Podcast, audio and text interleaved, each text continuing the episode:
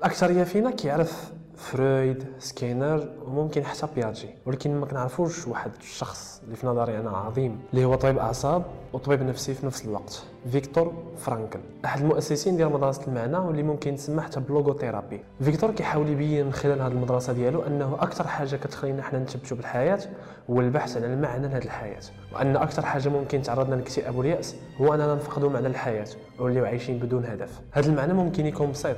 الحب ديالك لمرتك لولادك الموهبة ديالك أو الذكريات اللي عشتيها. فرانكل قدر يطور النظرة ديالو من خلال التجربة اللي عاشها في المحرقة أو ما يسمى بالهولوكوست.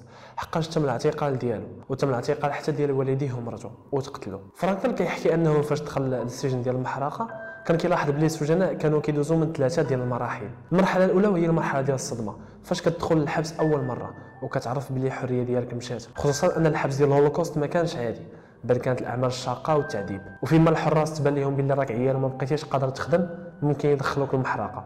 لهذا أنت ديما مهدد وخصك تبان صحيح. المرحلة الثانية وهي مرحلة اللامبالاة والموت الانفعالي وهي المرحلة اللي دار عليها الفيلم كله. حقاش في هذه المرحلة السجناء كيبداو يفقدوا المعنى والهدف من الحياة بسبب ذاك التعذيب والمشاق اللي كيعيشوها كل نهار في السجن. وبسبب أنه كل نهار كيتوقع باللي ممكن يدخل المحرقة ويموت. المرحلة الثالثة وهي المرحلة اللي كيخرج فيها السجين من الحبس. لكن فرانكل كيقول باللي المساجين اللي وصلوا هذه المرحلة هما المساجين اللي قدروا يعطيو معنى للمعاناة ديالهم وسط الحبس وقدروا يلقاو شي حاجة لداخل عندهم اللي كتصبرهم على المعاناه اللي كيعيشوها كل نهار. وفيكتور براسو ملي كان وسط الحبس قدر يعطي معنى للمعاناة ديالو. هو أنه خد قرار بأنه ملي غادي يخرج من الحبس غادي يكتب كتاب غيعاود فيه على التجربة ديالو اللي عاشها في الحبس.